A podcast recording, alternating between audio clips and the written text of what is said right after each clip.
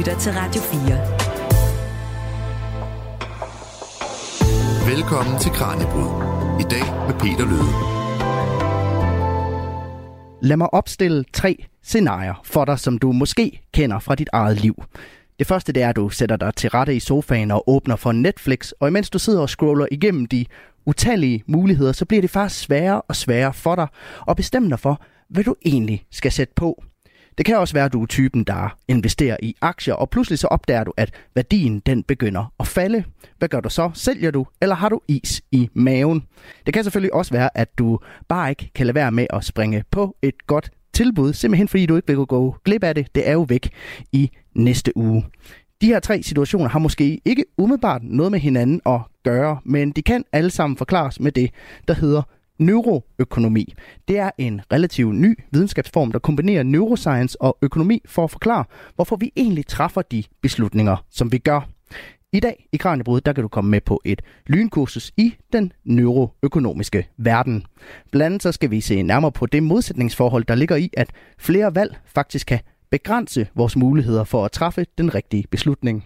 Og så skal vi også udforske det, der er på spil, når vi taber det hele ved pokerbordet og alligevel vælger at smide nye lapper på bordet i håbet om at vinde det hele tilbage. Alt det og meget, meget mere, det kan du blive klogere på i dagens program, hvor vi tager de neuroøkonomiske briller på. Og øh, lad os bare kaste os ud i det. Velkommen til Kranjebrud. Tak fordi du lytter med. Jeg hedder Peter Løde. Du til Kranjebrud på Radio 4.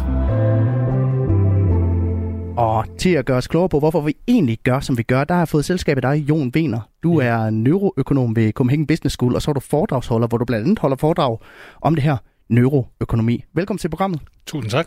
Er du også selv tilbøjelig til at falde i de her huller, som jeg nævnte før, hvor man måske efterfølgende ærger sig lidt over, måske har valgt en forkert Netflix-film, eller måske faktisk også har svært ved at bestemme sig? Jeg falder i absolut alle de huller, der findes, og man kan også godt sige, at det er jo simpelthen, fordi jeg også er et menneske, ligesom eller, ellers andre, kan man sige. Så vi, vi, vi begår alle sammen de her fejl. Ja. Hvorfor har vi det på den måde? Jamen, fordi at vi, ja, som, som sagt, vi er mennesker, og vi er absolut slet ikke indrettet til at træffe optimale beslutninger i den her moderne verden, vi lever i, som netop er karakteriseret med altså flere øh, muligheder og flere beslutninger, end vi nogensinde har skulle træffe i verdenshistorien. Og nu, øh, nu opstillede jeg jo nogle forskellige scenarier her i starten af, af programmet. Hvordan kan neuroøkonomien hjælpe os med at forklare nogle af de her scenarier? Jamen, det kan det, fordi at Altså, det er jo fordi, vi tager udgangspunkt i, øh, at vi er mennesker, og vi mennesker, vi består af noget biologisk materiale, og det er det her biologiske materiale, som jo er skabt eller udviklet til et helt andet samfund, end det, der findes i dag. Og derfor så tager vi alle de her fejl med os. Øh, altså, det er simpelthen for grund af den måde, vores hjerne og vores krop er indrettet på. Så det er simpelthen hulemanden, der, der er på spil i sidste ende? Jamen, det kan man sige. Altså, det, det er et, det, vi er en, en slags hulemand, der er blevet placeret i den her helt ufattelig komplicerede verden, som øh, med et helt utalligt, altså så meget væld af valgmuligheder, og også, kan man sige, hele industrier, der er skabt på at manipulere os til at, kan man sige, øh, berige dem, og ikke nødvendigvis berige os selv. Og øh, vi skal dykke lidt dybere ned i, hvad neuroøkonomi egentlig er for en størrelse lige om lidt. Men inden da, så vil jeg gerne høre, altså hvad var det, der fangede dig ved neuroøkonomien? Du har jo beskæftiget dig med det i mange år. Man kan sige, helt siden jeg gik i gymnasiet, altså jeg er 47 år i dag, der, øh, der blev jeg fascineret af menneskets psykologi, og i virkeligheden blev jeg mest fascineret af, af den del af menneskets psykologi, som er baseret på biologi. Altså så kan man næsten sige sådan en naturvidenskabelig øh, indgang til den menneskelige psykologi, hvorimod meget af også nutidens psykologi, det baserer sig på teorier, som er lidt løsredet fra biologien, baserer mm. på teorier fra humanistiske videnskaber eller samfundsvidenskaber, hvor man faktisk ikke rigtig forholder sig til menneskets biologi. Så man kan sige, at biologisk psykologi er det, der altid øh, har fascineret mig helt siden gymnasiet. Så det handler også om at prøve at forstå, hvorfor man selv nogle gange agerer ud fra sin reptilhjerne på en eller anden måde. I den grad. Altså, det er, lad, lad mig bare være ærlig og sige, at det er fuldstændig motiveret af, hvordan, hvorfor jeg selv var, som jeg var, og, og især den, den familie, jeg kommer af, hvorfor de, hvorfor de var så besynderlige, som de var. Det vil jeg meget, meget gerne finde forklaring på. Så man kan sige, at jeg lever helt op til den der fordom, man typisk har om psykologer, ikke, der læser psykologi, fordi de selv har nogle udfordringer. Den, den fordom lever jeg helt op, øh, op til, selvom det så har været biologisk psykologi, og så senere hen neuroøkonomi, som fascinerede mig mest. Og du har jo selv arbejdet med neuroøkonomi i, i en del år, i over 10 år i hvert fald. Hvad er det, 12-13 år? Jamen nej, det er i virkeligheden i, i 20 år 20 år, efterhånden. Ja. ja, altså det kan man sige. Altså jeg var phd studerende altså en PhD, jeg aldrig gjorde færdig, og det var der, øh, jeg for alvor begyndte at interessere mig for neuroøkonomi. Det var faktisk også der, at forskningsområdet blev skabt mm. på, et, på et golfresort i, i North Carolina i USA, øhm, som jeg, altså et møde, jeg tilfældigvis var med til som, øh, som del af min øh, Ph.D. Og ja. det var, så, så det var kun 100 mennesker, der skabte det der for cirka 20 år siden. Og bare lige så jeg og, og lytterne forstår din tilgang lidt bedre. Altså kan du ikke prøve at fortælle, hvordan du så har arbejdet med neuroøkonomi gennem de her knap to årtier? Jo, altså dels så er det, at øh, ofte kan man sige, nu er det jo hjerneforskning, jeg har specialiseret mig i, altså i, i øh, hjernescanneren, og det der med at se ind i den øh, levende menneskehjerne, levende raske menneskehjerne, mens vi træffer forskellige beslutninger. Så fascinationen har altid været, hvad sker der inde i os, når vi træffer beslutninger, og hvorfor gør vi det? Hvad motiverer os? Og hvad er det, altså, hvad er det for et substrat? Hvad er det, hvad er det, hvad er det der gør, at, øh, at vi træffer den ene beslutning og, og ikke den anden, og hvad er det, det betyder for os, når det er, at vi står over for, for forskellige typer af valgmuligheder. Så man kan sige, at det er et stort forskningsområde, neuroøkonomi, men det, altså det, det, kan man sige, det trækker i virkeligheden på både øh, genetisk videnskab ikke, og e- mm. epigenetisk videnskab, altså hvordan vores gener bliver aflæst. Det trækker også på klassiske økonomiske eksperimenter, for eksempel spilteori, som for eksempel går ud på, hvordan er det, at vi strategisk øh, gebærder os over for hinanden, når vi skal øh, for eksempel konkurrere med hinanden. Øhm, så det, det, det, det trækker på en masse, kan man sige, klassiske eksperimenter for psykologi øh, og økonomi, hvor man så har trukket dem, simpelthen trukket dem med ind i hjerneskanneren for simpelthen at, at studere det biologiske substrat. Ja, og øh, jeg tænker, vi skal prøve at kaste os over at forstå det allermest basale i neuroøkonomi, fordi det lyder som et enormt kompliceret område, men det kan være, at du lige skal give os en lille smagsprøve på, hvad, altså, hvad er det for en verden, vi skal bevæge os ind i nu? Jamen, det er en verden, hvor man tager udgangspunkt i, at altså nu, kan, nu kan vi starte helt fra begyndelsen, næsten, næsten at starte fra Adam og Eva. Altså, der er ikke så mange af os, der synes, det er underligt, at der er astronomer, og øh, fysikere, der kan kigge ud i universet og kan forudsige, hvad det er, der kommer til at ske ud i universet. Det er vi ret, det er vi ret gode til. Ikke? Vi kan ovenikøbet se, hvad der er sket siden The Big Bang og sådan noget. Grunden til, at vi er så gode til at kunne forudsige, hvad der sker ude i universet, det er fordi, at alting overholder fysikkens love. Det, der er, øh, kan man sige, et udgangspunkt for neuroøkonomi, det er lidt, den lidt svære tilgang, det er at indse at dybden af, at vi mennesker – også er en del af universet, og det materiale, vi består af, ja. det overholder også fysikkens love. Så det er simpelthen en regelbog for, hvordan vi opfører os? Simpelthen. Altså det er, at, at vi består også af materiale, kan man sige, og energi, ligesom resten af universet, der i virkeligheden ikke rigtig levner noget plads til fri vilje, selvom det kan være svært for mig også selv at erkende øh, dybden af ikke at have nogen fri vilje. Men man kan sige, vigtigheden af nødøkonomiske analyser er baseret på, at vi er materiale, som vi ikke rigtig har kontrol over, der bevæger sig rundt. Og noget af det materiale, det leder jo så til de beslutninger, som vi træffer, og det er en måde, vi interagerer med hinanden på. Og det er jo altså noget af det her, som øh, du derude forhåbentlig kan blive en lille smule klogere på om lidt, når vi giver dig et lynkursus i det allermest basale mekanismer inden for neuroøkonomien.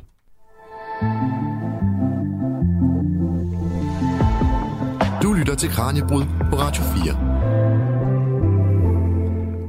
Og Jon, jeg vil jo ikke øh, lægge skjul på, jeg synes, det her med neuroøkonomi lyder enormt komplekst. Så jeg tænker, at vi for både min og lytterens skyld bliver nødt til også at få skåret det her helt ud i pap og forsøge at forstå de allermest grundlæggende øh, hvad kan man sige, mekanismer i det her forskningsfelt. Altså, hvad mener du er det allermest nødvendige at, at vide, når det kommer til neuroøkonomi? Jamen, det er jo, at altså, kan man sige, det bliver lidt mindre kompliceret, når man tænker på det som om, at det er psykologi baseret på biologi. Altså for eksempel, så kan man tage noget så simpelt som, øhm, altså hvordan reagerer vi på tilbud, for eksempel, som du sagde i starten, ikke? Altså, hvordan, hvordan, hvordan, hvordan kan man sige, hvordan processerer vores hjerne og krop det at tage ud og købe ind, eller det at, at tage ud at, øhm, at se på tilbud, som for eksempel Black Friday. Man kan sige, der, der kan øh, neuroøkonomisk analyse øh, belyse, hvordan det egentlig sker. Ikke? Og der kan man sige, mm. typisk, sådan, sådan det foregår, når vi, skal, når vi skal tage ud og ser på et tilbud, så foregår det typisk ved, at vi ser et tilbud et eller andet sted, hvor vi sidder, hvor vi er for eksempel derhjemme. Vi ser på en tilbudsavis, eller vi ser et eller andet tilbud, hvor der er en eller anden form for nedsættelse. Så ved vi, hvordan vores hjerne reagerer. Den, den reagerer allerede der ved, kan man sige, at forberede os på, at nu skal vi øh, have et godt tilbud, nu får vi noget, som vi gerne vil have.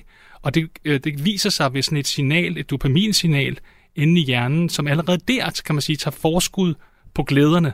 Ja. Og man kan sige, det er jo det, som øh, man i markedsføring også udnytter hos os, at vi har den her hjerne, som når vi ser det her tilbud, så tager vi forskud på glæden, altså glæderne ved at få det her, og også glæden ved at få den her besparelse, som det jo også er.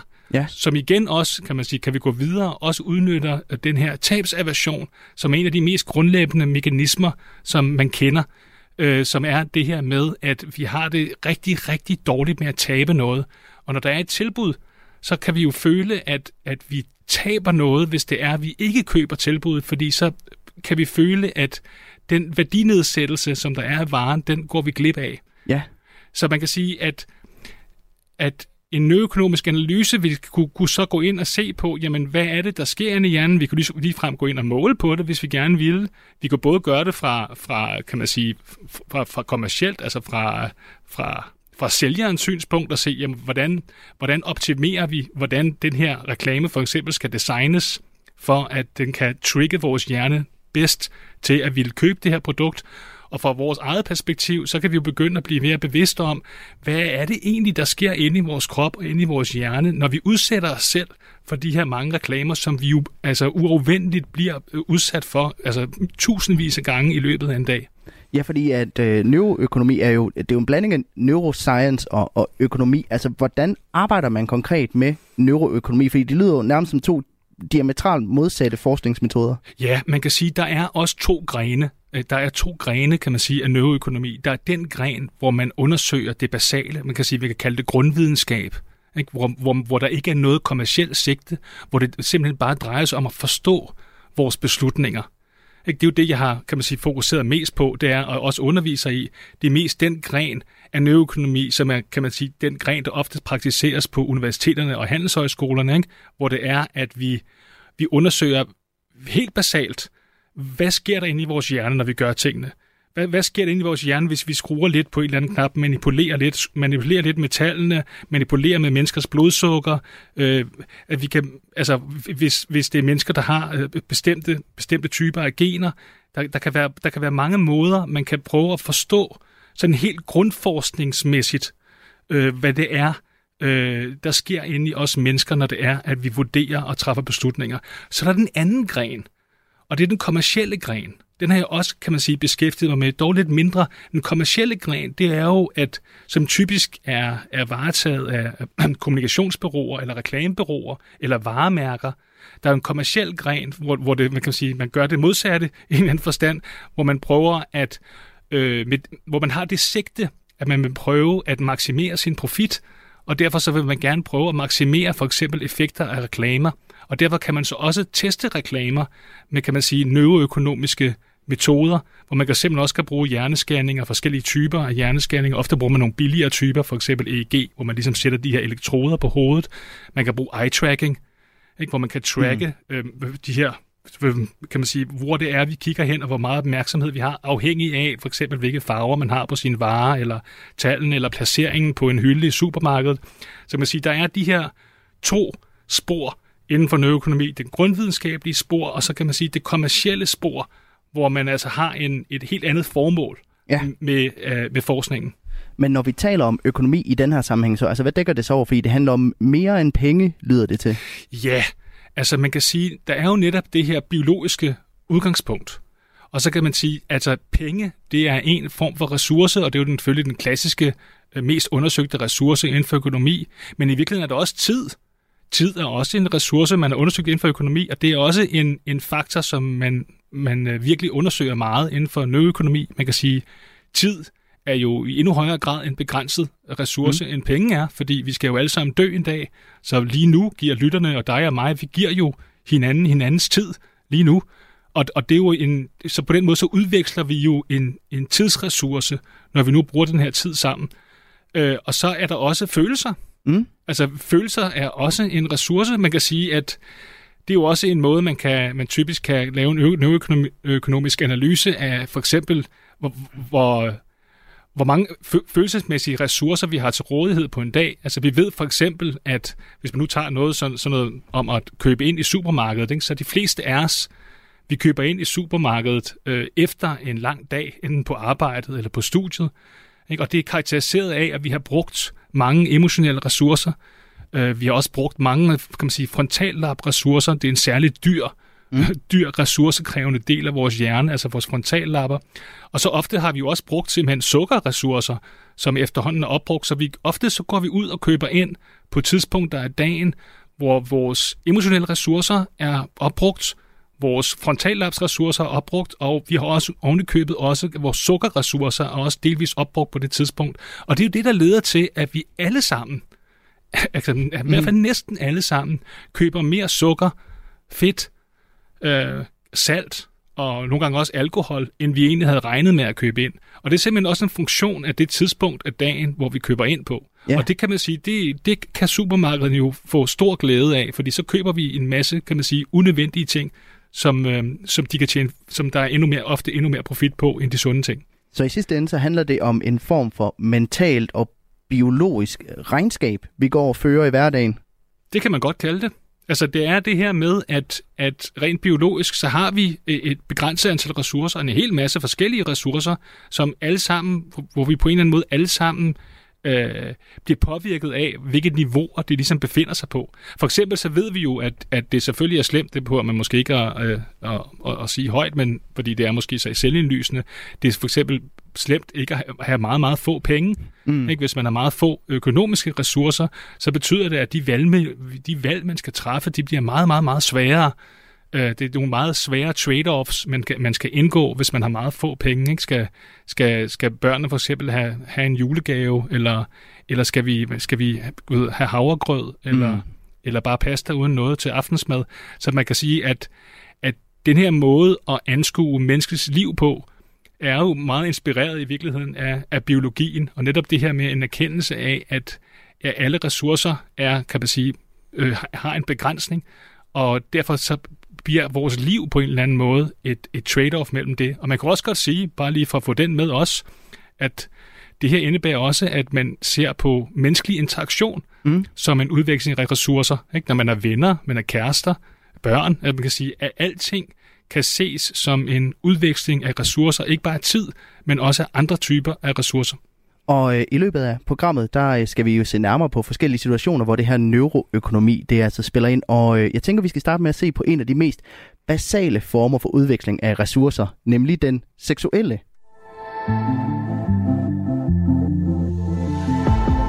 Du lytter til Kranjebrud på Radio 4.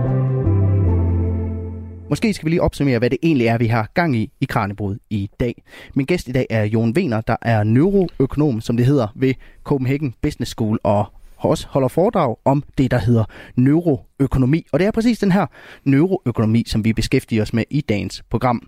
Og som vi har talt om, så er det rimelig komplekst, så jeg skal gøre, hvad jeg kan for at prøve at opsummere de, de brede linjer. Så må du rette mig, øh, Jon. Men som jeg forstår det, så handler neuroøkonomi om, hvordan vi egentlig opfører os, og hvad det er, der dikterer at vi træffer de beslutninger, som vi gør både fra sådan et mentalt ressourcebudget, vi går og holder, men også nogle biologiske ting, der spiller ind, for eksempel sukkerniveau, eller hvor vi er henne i, i, i, i rent øh, fysisk placeret. Øh, simpelthen. Og det er noget af det, der også gør, at vi nogle gange måske ikke er så rationelle. Er, er det helt ved siden af, Jon? Jamen, det er fuldstændig rigtigt, og man må også sige, at øh, en økonomisk tilgang vil være, at vi faktisk ikke kan være rationelle, at det, at det lidt er en konstruktion, som ikke rigtig findes i virkeligheden.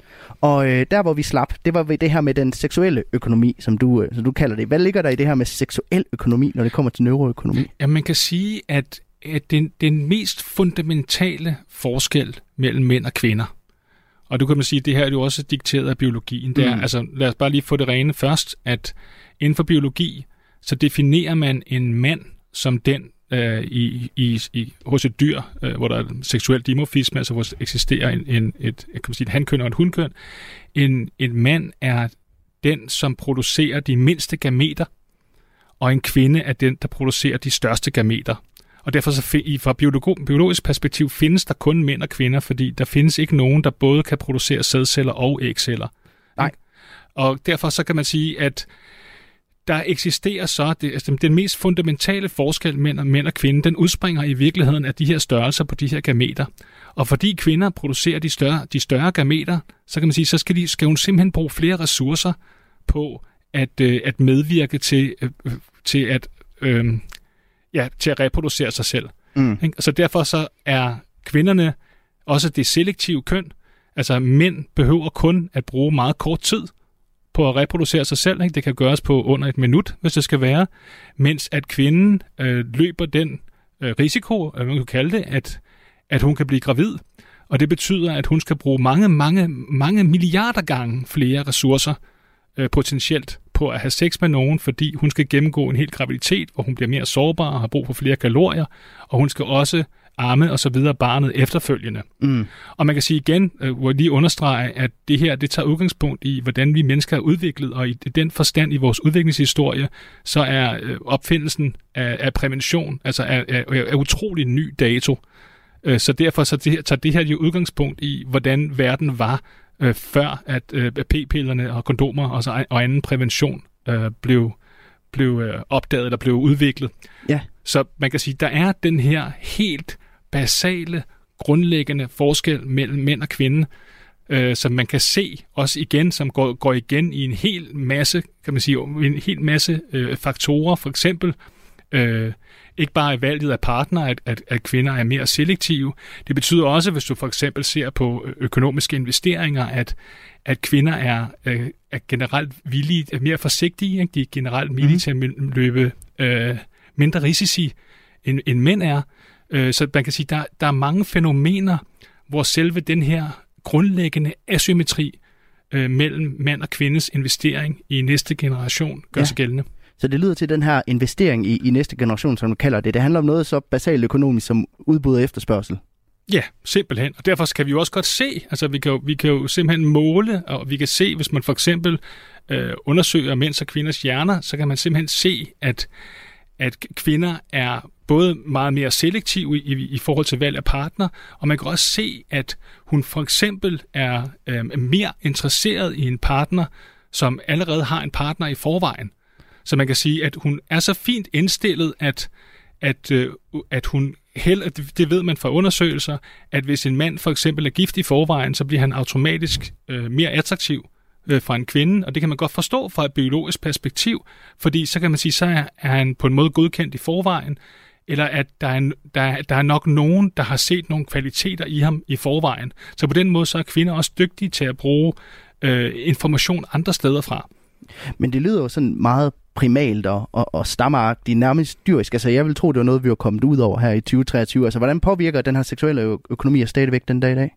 Jamen, den ser vi jo, øh, den ser vi overalt. Altså, vi ser den også i, i valg af arbejde. For eksempel, du kan se, at hvis du, hvis du øh, kigger på øh, højrisici arbejde, øh, for eksempel arbejde på en olieplatform, eller være dykker, eller arbejde i en kloak, eller sådan noget, så vil du se, at det er næsten udelukkende mænd, eller på en byggeplads for den sags skyld.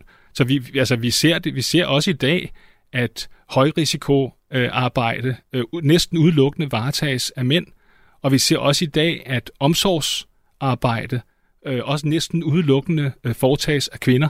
Hvis du for eksempel ser på øh, kønnene blandt jordmøder eller, eller sygeplejersker, så vil du se en meget, meget, meget stor overvægt af kvinder. Så man kan sige, at vores hjerner og vores krop er stadigvæk øh, indrettet på den måde, som, som den var for tusindvis af år siden. Der er, ikke, der er ikke sket noget. Det er samfundet, der ændrer sig, men vores biologi har ikke ændret sig signifikant. Men heldigvis så har vi jo stadigvæk, i hvert fald på bunden, friheden til at, at vælge. Til gengæld så kan det godt blive svært at træffe den rigtige beslutning, når der er et væld af muligheder at vælge imellem. Hvad det skyldes, det undersøger vi lige om lidt.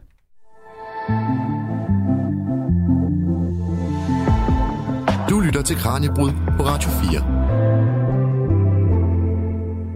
Og jeg vil gerne indlede den næste del af programmet med et citat, som jeg har oversat lidt frit. At lære at vælge er svært. At lære at vælge rigtigt er sværere. Og at lære at vælge rigtigt i en verden af uendelige muligheder er endnu sværere, nærmest umuligt. Sådan skrev psykologen Barry Schwartz engang i sin bog Valgfrihedens tyranni. Og det kender man måske fra en selv. Måske har du været på pizzeriet, og ud af 50 forskellige pizzaer, så vælger du en nummer 8. Men når du kommer hjem, så fortryder du egentlig dit valg, og vil hellere have haft en nummer 12. Eller måske så kender du det her scenarie, jeg nævnte i starten af programmet, hvor du skal se en film på Netflix, og øh, har svært ved at bestemme dig, og måske egentlig ender med ikke rigtig at få set noget, fordi du bliver ved med at ombestemme dig. Det her med, at der er så mange muligheder, at det, det burde være nemmere at finde noget, du, øh, du rent faktisk er interesseret i, men det bliver meget, meget sværere. Det er det, der hedder frihedens paradoks, og det kan være, at du skal forklare, hvor det paradoks det ligger, Jon. Jamen, sige, at man kan sige, at ja, det er netop et paradoks, fordi at jo mere frihed vi har, jo flere valgmuligheder vi har, jo sværere bliver det faktisk at, at vælge det, det, vi synes, der er optimalt. Og hvor længere tid skal vi også bruge på det. Og man kan også sige, at i sidste ende, øh, så ender vi faktisk også med at være mindre glade for den beslutning, vi, vi ender med at træffe. Så man kan sige, der er, det er klart sådan, at, at vi får det, kan man sige, dårligere og dårligere på et tidspunkt af, jo flere valgmuligheder vi har, og jo flere valg vi skal træffe. Især fordi, at vi jo også selv bærer ansvaret for den beslutning, vi træffer. Og derfor så kan man sige, så kan det lede til at øh, en meget, meget større risiko for, at vi fortryder vores køb. Så derfor, mm. nu nævnte du selv eksemplet med pizzeriaet, ikke? Det, er jo, det er jo det, som, øh, som er sådan et, et klassisk eksempel på, at, at, at vi kan være ende med at blive utilfredse. Altså, altså, der er særlig risiko for at være utilfreds, især hvis man går på et nyt pizzeria i en ny by, for eksempel, og køber den her pizza, og man ikke synes, den er god, så vil vi ofte brejde os selv, at vi ikke købte en anden pizza.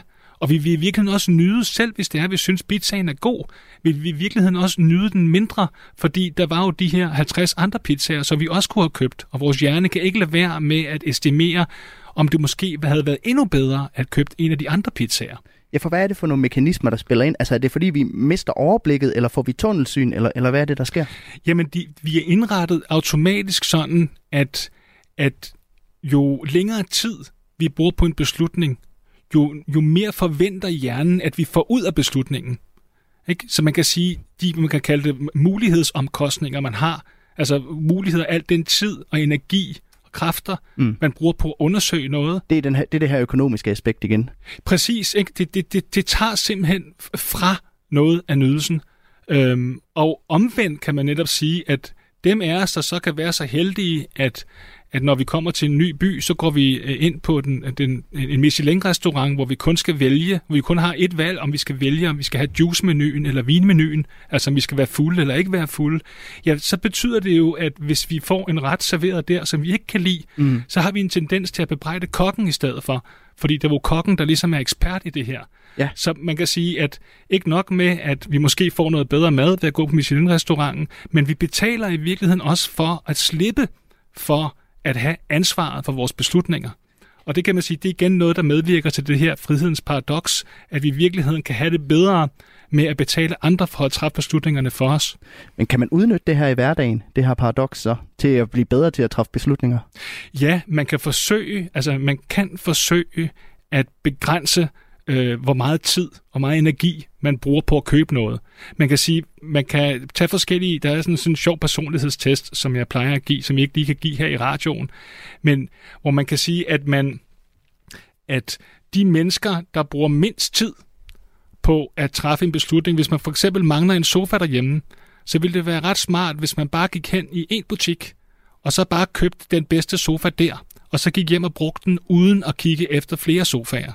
Men det, der er nogen af os, der gør, øh, det er dem, der ligesom er mere, dem af os, der er mere perfektionistisk indstillet, det er, at vi vil bruge rigtig, rigtig lang tid på at finde en sofa. Måske bruge en måned på at finde en sofa. Kigge i alle mulige butikker, fysiske butikker, internetbutikker, og så vil vi købe den her sofa, men i stedet for bare at tage hjem og så nyde den her sofa, så vil vi fortsætte med at kigge efter sofaer. Og det kan man sige, det er den sikre vej til fortrydelse, og det er den sikre vej til at få mindre ud af livet, og i virkeligheden har man, har man prøvet at følge, øh, følge folk øh, gennem hele livet, øh, hvis de har fået den her test i, øh, i universitetsalderen, hvor de starter på universitetet, og så kan man se, at de mennesker, der sådan er mest perfektionistisk anlagt, ja, de ender dog med at tjene flest penge, men det er også dem, der har højst risiko for at få forskellige psykiatriske sygdomme og generelt lever et mere ulykkeligt liv. Ja, for vi taler jo om, om et meget også om, at vi har det her samfund, hvor der er utallige muligheder, både for, for unge og for, og for ældre og for gen, den generelle befolkning. Men er det noget af det, der måske også gør, at vi har svært ved at finde en retning i livet, at der er alle de her valg? Jamen det er jo det. Altså, jeg siger til mine studerende hvert år, at jeg er glad for, at jeg ikke er dem. Fordi at, altså, den måde, du kan sammensætte din uddannelse på i dag, Altså, hvor du kan vælge fra forskellige danske universiteter, og ovenkøbet også udenlandske universiteter, og online universiteter. Altså, du kan jo sammensætte din, din uddannelse på millioner af forskellige måder. Så altså, altså risikoen for, at du fortryder, eller tænker, ej, eller bare føler, ej, hvad nu, hvis jeg havde valgt det der andet i stedet for, den er jo gigantisk. Mm. Så det er klart, at, at det er alt sammen noget, som, som bidrager til, at, øh, at mennesker og studerende bliver mere ulykkelige. Og jeg ved ikke, om det, jeg er ikke, det er ikke sikker på, at det er det, der er grunden til det, men man ved jo også fra undersøgelser, at at, at kan man sige, de studerende og de unge får det dårligere og dårligere for hvert år. Altså, når man laver de her undersøgelser. Graden af øh, følelse af eksistentiel ensomhed, altså der er færre og færre studerende for eksempel, der siger ja til spørgsmålet. Føler du, at der er mindst en, som virkelig forstår dig? Er der altså færre og færre, der siger ja til? Ikke? Så man kan sige, der det, det går generelt dårligere og dårligere med de yngre generationer, og det kunne godt være en af faktorerne, der, der bidrog negativt, nemlig den her, altså den her øh, helt vanvittige øh, vanvittig grad af, af valgmuligheder. Ja, for det lyder jo til egentlig, at der mulighederne burde være større for at træffe et oplyst valg. I hvert fald hvis du har sat dig ned, du har scrollet, du har undersøgt alle sofaer, der overhovedet er på markedet, og så beslutter du dig for at købe en. Det lyder jo egentlig til, at det vil være et mere oplyst valg, end at gå ned og købe den første og den bedste nede i butikken, men det lyder ikke til, det er sådan, det er alligevel. Nej, altså man kan jo godt sige det, man kan jo godt kalde det mere oplyst, og, og det, man kan sige, og det er jo også spot on i forhold til det, du siger, fordi vi har nemlig positive begreber knyttet til det. Altså, vi har en masse positive begreber knyttet til mere oplyste valg, ikke? flere valgmuligheder, mere individuelt ansvar, altså frihed, bare ordet frihed, det der, det der er ekstremt positivt lavet. Så vi har en masse positivt lavet ord knyttet til netop, kan man sige, i virkeligheden den her form for perfektionisme, hvor man, hvor man undersøger alt, øh, inden man træffer en beslutning. Men pointen er bare, at øh, det gør os ulykkelige.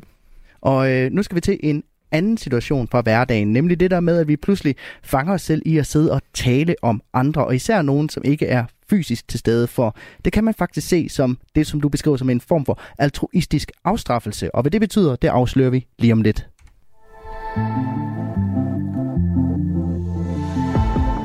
Du lytter til Kranjebrud på Radio 4. I Kranjebrud i dag, der sætter vi fokus på det, der hedder neuroøkonomi. Det er en blanding af neuroscience og økonomi, der forsøger at forklare, hvorfor vi egentlig træffer de valg, vi gør. Min gæst i studiet dag er Jon Vener, der er neuroøkonom ved Copenhagen Business School og holder foredrag om blandt andet neuroøkonomi.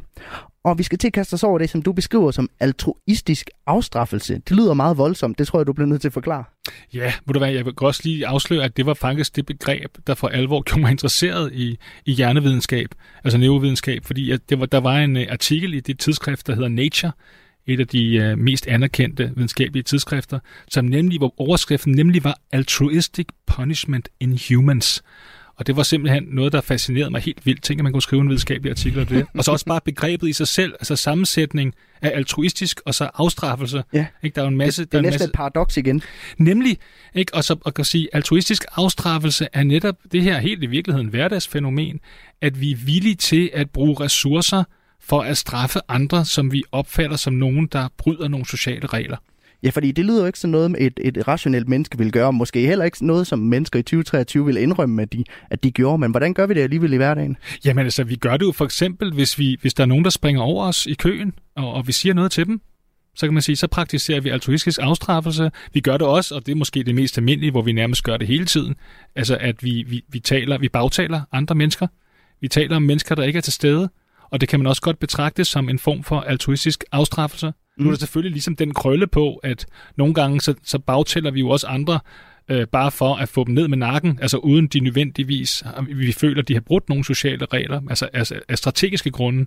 Men, men nogle gange så gør vi det jo også fordi, at, at vi rent faktisk for eksempel er blevet snydt af en anden person, og så vil vi gerne advare andre mod den person, så de ikke også bliver snydt. Så det handler simpelthen om at straffe nogen på vegne af det, det store gode, altså the greater good? Ja, det, det kan det være. Altså som sagt kan man jo også snyde ikke, med, med det. Altså man kan jo også straffe nogen, som ikke fortjener at blive straffet. Bagtale nogen, som man ikke fortjener at blive bagtalt. Det gør vi jo også. Altså vi, vi, vi bruger det jo også øh, mod vores konkurrenter, kan man sige. Men det har i hvert fald også den funktion, eller kan have den funktion, når altruistisk afstraffelse er bedst, at den rent faktisk øh, gør, at det mindre kan betale sig at være snyder, netop fordi, at, at, vi, at vi taler om de mennesker, der ikke er til stede. Men hvorfor mener vi så rent neuroøkonomisk, at det overhovedet giver mening at bruge så mange ressourcer på det her? Ja, men man kan sige, at nu, nu er det her, kan man sige, grundvidenskab, og det, der var fascinerende, det var, at der, vi har et lille område øh, inde i hjernen, der hedder nucleus accumbens, eller vi har to af dem, og, øh, og de to kerner der, de bliver særligt stimuleret, for eksempel når vi tager kokain.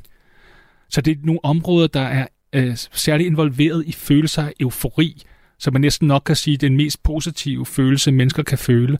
Og der har man simpelthen kunne se, at det her område blev også særligt aktivt, når vi straffede andre for noget, som vi mente, altså vi, hvor vi simpelthen straffede andre, øh, nogen, der havde snydt os. Og man kan sige, der var en lille kønsforskel her, hvor man kunne se, at det særlige var hos mænd, at man kunne se, at, vi, at mænd kunne finde, kan man sige, den her særlige euforiske øh, nydelse af at se nogle andre mænd, som havde snydt en, se dem simpelthen få en fysisk afstraffelse, hvor de faktisk fik elektrisk stød. Og helt samme grad øh, kunne man ikke observere hos kvinder. Tværtimod kunne man faktisk observere hos kvinder, at områder forbundet med empati blev lidt ekstra aktiveret. Så der var ligesom igen den her øh, kønsforskel, mm. som, øh, som gik igen i det her forsøg. Knytter det så tilbage til den seksuelle økonomi så? Det, det, det kunne det godt gøre, altså at, at kvinder har en, en tendens til at være mere tilgivende i den forstand, øh, at altså man kan sige, det, det kan nemt knyttes til, til deres generelt højere empati, som gør, at de generelt har større forståelse, også for mennesker, som gør dumme ting, som for eksempel snyder. Ja. Ikke? At de godt, at de, at de, de, de nemmere kan, kan se, hvad det er for noget, der kan lede til, at de har snydt, ikke? som ikke nødvendigvis øh, kan man sige, så de ikke nødvendigvis reagerer ligesom, ligesom mænd gør, hvor vi så er, kan være hurtigere til at finde nydelse i at straffe dem. Så vores altruistiske afstraffelse kan, kan måske falde øh, lidt for hurtigt. Og nu har vi jo talt meget om det her med, med stammestruktur og et eller andet form for primalt øh, socialt dyr, der lever ind i os. Altså, hvordan spiller det ind i det her? Jamen, det er klart, at, at det er jo en forudsætning for, at vi overhovedet kan have så hypersocialt et samfund, som vi har. Altså altruistisk afstraffelse er absolut nødvendigt at have, fordi det betyder, at det ikke kan betale sig at snyde andre mennesker. Så man kan sige, det, det er ekstremt vigtigt, øh, og nu kommer vi ind på, øh, på spilteori, kan man mm. sige. Ikke? Øh, det er ekstremt vigtigt, at vi har et system, øh, hvor man i den grad bliver straffet, hvis man bryder øh, sociale regler. Og nu kan man sige, der er et lidt større spil, hvor man, hvor, hvor man er flere mennesker, der spiller sammen, sådan et, der hedder et public goods game, hvor man netop kan se, at, at hvor, øh, hvor hvad kan man sige, alle deltagerne øh, får en, en sum penge hver, og, og, og den lille den sum, vi vælger at, at, at putte i en fælles pulje, den bliver så for eksempel ganget med to, og så fordelt ud til alle mennesker ligeligt. Sådan så hver enkelt individ i det her spil øh, står i et dilemma, fordi at jo flere penge de bare beholder selv, og ikke investerer i selskab i, i, øh, i, øh, i fællesskabet, øh, jo, jo flere penge ender de sådan set med at have. Mm. Ikke? Fordi, de, fordi alle, alle får lige del af det, der bliver videre distribueret. Når, men, men samtidig er man også asocial. Præcis, så man, så man er i konflikt. Og der kan man se, i de her spil, der kan man se, at de andre spillere, hvis det er, at jeg for eksempel er sådan en, der overhovedet ikke bidrager til fællesskabet, men, men får fællesskabets goder alligevel, så kan man se, at de andre spillere, de, de er villige til at betale for at fratage mig penge. Mm. Så der kan man igen se det i, i aktion, den her form for altruistisk, uh, altruistisk afstraffelse, at heldigvis er vi mennesker indrettet til, at vi er villige til at bruge ressourcer lige frem på at straffe dem, som, uh, som bryder de sociale regler. Og derfor så kan man jo sige, at, at, at politi og domstol er jo næsten en måde at sætte altruistisk afstraffelse i system. Ikke? Mm. Altså love, regler og, og, og politi, som enforcerer det, og, og, og den dømmende magt. Altså man kan sige, vi har meget, meget fint skabt et samfund, hvor vi har ligesom systematiseret den her altruistiske afstraffelse, og selvfølgelig kan man sige, har vi så givet kan man sige, voldsmonopolet, altså hos, hos politiet og, og, og domstolen, ikke? Altså, hvor vi, sådan, så vi ikke, vi ikke bedriver selvtægt, men man kan sige, at lysten til selvtægt, den, den findes jo stadigvæk, men den kan jo delvis blive holdt i ave af vores retssystem. Og øh, vi har en sidste ting, som vi skal nå at runde for at komme rundt i alle neuroøkonomiens afgrøde. Som lidt, så skal vi gamble lidt. Vi skal nemlig se nærmere på, hvad det er, der gør, at vi ærger os helt vildt, når vi taler, taber, hvad end det er på rouletten, med aktierne eller i Ludo, og hvad det er, der gør, at vi faktisk er villige til at satse mere for at vinde det tabte tilbage.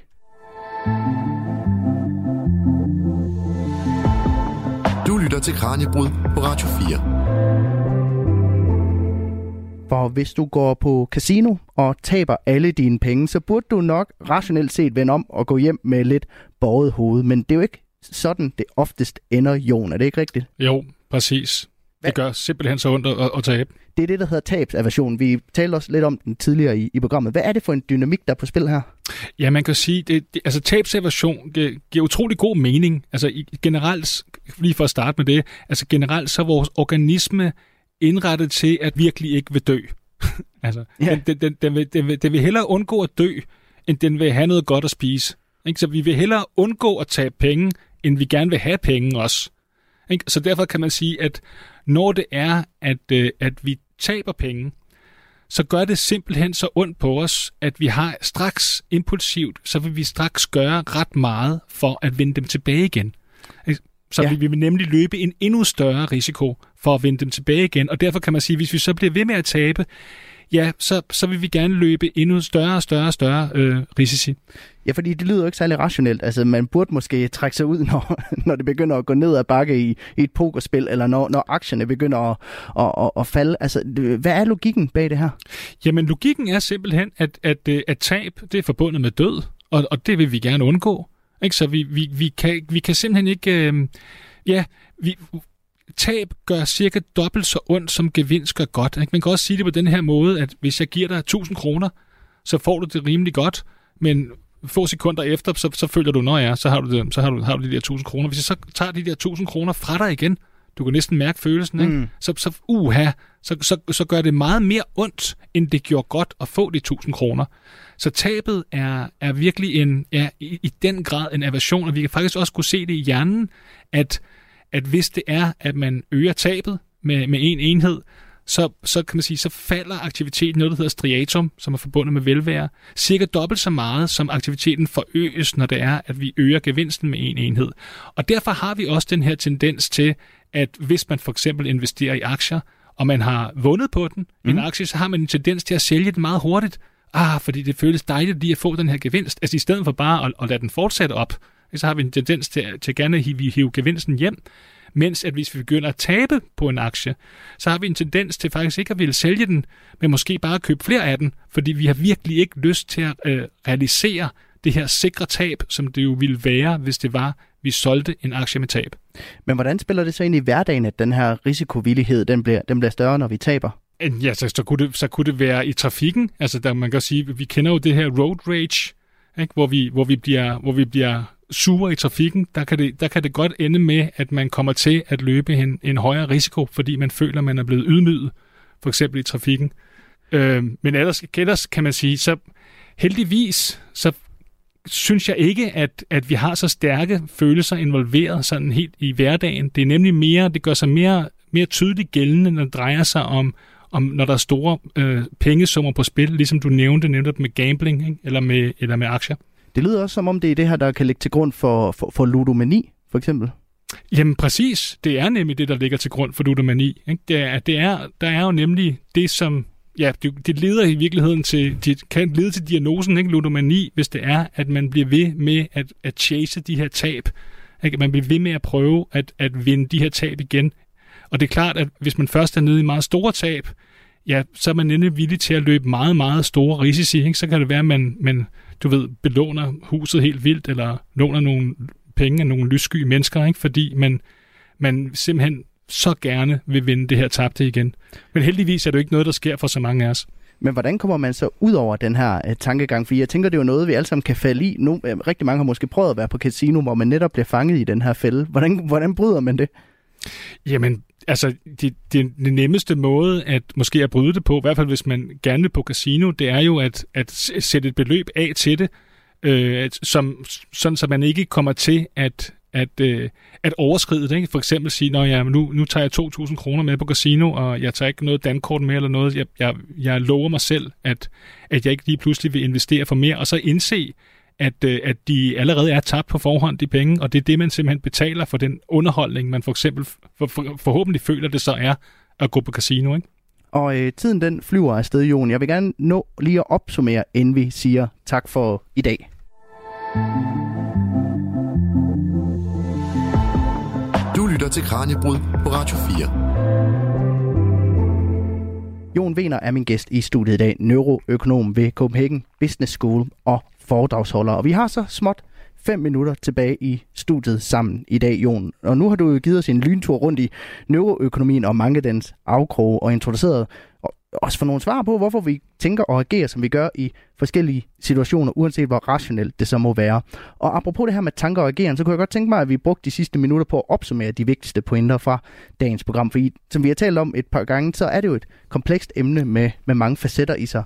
Altså hvis vi skal koge det hele ned til én pointe, som lytterne skal tage med herfra, hvad skulle det så være? og oh, det er svært. Uh, det, det, er, det er også rimelig kaotisk inde i mit hoved, netop fordi det, der, er, der er så mange aspekter af neuroøkonomi. Men så skulle det da være det her med at, at uh, anskue uh, de beslutninger, vi træffer ud for den biologi, vi består af. Jeg ved godt, det er måske ikke forsimplet det helt vildt, men det er i hvert fald sådan, det bliver forsimplet ind i mit hoved. Ja, i sidste ende handler det her bare om, at vi er, at vi er stammefolk i sidste ende. Det kan man godt sige, at, eller at vi er dyr, altså mm. vi i virkeligheden er dyr, og, øh, og, og vi er ligesom dyr, der er blevet sluppet løs i den her hypermoderne verden, øh, som absolut ikke er øh, ligner det, som vi er udviklet til. Hvordan kan man så bruge nogle af de her pointer fra dagens program i, i ens egen hverdag, både til at måske blive bedre til at træffe beslutninger, men også undgå at falde i nogle af de her huller? Altså, jeg ville helst have sådan, at, at vi kunne være mere tilgivende øh, over for os selv. Fordi ligesom jeg nævner det her med, at vi står over for så mange valgmuligheder, og vi, øh, kan man sige, har en tendens til at slå os selv i hovedet over, at vi ikke træffer nogle bedre beslutninger, ikke? fordi det netop er så svært at, at træffe de optimale beslutninger. Så jeg vil, jeg vil helst have, at vi kunne udskamme os selv noget mindre og bruge det her til at forstå, at ja, vi jo blot er mennesker, og vi ikke kan undgå at, øh, at, at træffe nogle, øh, nogle dårlige beslutninger nogle gange. Og du har jo fulgt neuroøkonomien i, i, i godt 20 år. Altså, hvad er der i gang i af, af strømninger inden for, inden for feltet lige nu? Hvad glæder du dig selv til at få svar på? Jamen altså, jeg glæder mig da meget mere til at få svar på, øhm, øh, hvad der sker, hvad vi finder ud af, når vi begynder at, at vi for småt begynder at tage skridtet væk fra øh, udelukkende at lave hjernescanninger. Ikke? Fordi hjernescanninger, der kigger man ind i, i folks hoveder i nogle minutter ad gangen. Jeg synes, der, bevæger, der er et helt vildt perspektiv i, at vi kan begynde at måle på os selv døgnet rundt. Ikke? Og der kan du sige, alle de her smartwatches og alle de her måder, hvor vi kan monitorere os selv flere og flere data døgnet rundt, det vil give os en helt revolutionerende forståelse for, øh, hvordan vi egentlig har det med forskellige beslutninger, og måske vigtigst af alt, giver os en forståelse for, hvordan vi kan forhindre os selv i at blive syge. Så det kunne være, at man måske på sigt kunne sige, få et smart device, der siger, nu er du ved at falde i, øh, i fælden igen. Det kunne sagtens ske. Det, det, ikke, det burde ikke være så mange år ude i fremtiden. Og øh, du er i gang med at skrive en bog også, er det ikke rigtigt? Jo.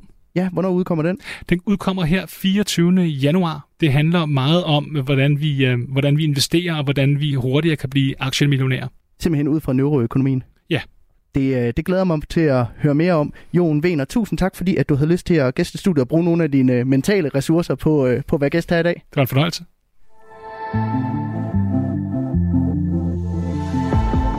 Du lytter til Kranjebrud på Radio 4. Således nåede vi til vejs ende på dagens udsendelse af Kranjebrud. Her til sidst vil jeg bare minde om, at hvis du hungrer efter mere videnskabsradio, så sender vi selvfølgelig alle hverdage her på Radio 4. Ellers så ligger alle udsendelserne også klar som podcast, som du kan lytte til præcist, når det passer dig. De findes inde i Radio 4's app, der kan hentes på App Store og på Google Play. I morgen, der kan du glæde dig til at støde på begreber som Eau, Lak og Jani. I Aarhus Vest, der er der nemlig opstået en helt særlig dialekt, som nu er blevet kortlagt af en dansk sprogforsker. Den kan du lære en masse om i udsendelsen i morgen. Tusind tak for i dag, og tak fordi du lyttede med. Jeg hedder Peter Løde. Udsendelsen er produceret af Videnslyd for Radio 4.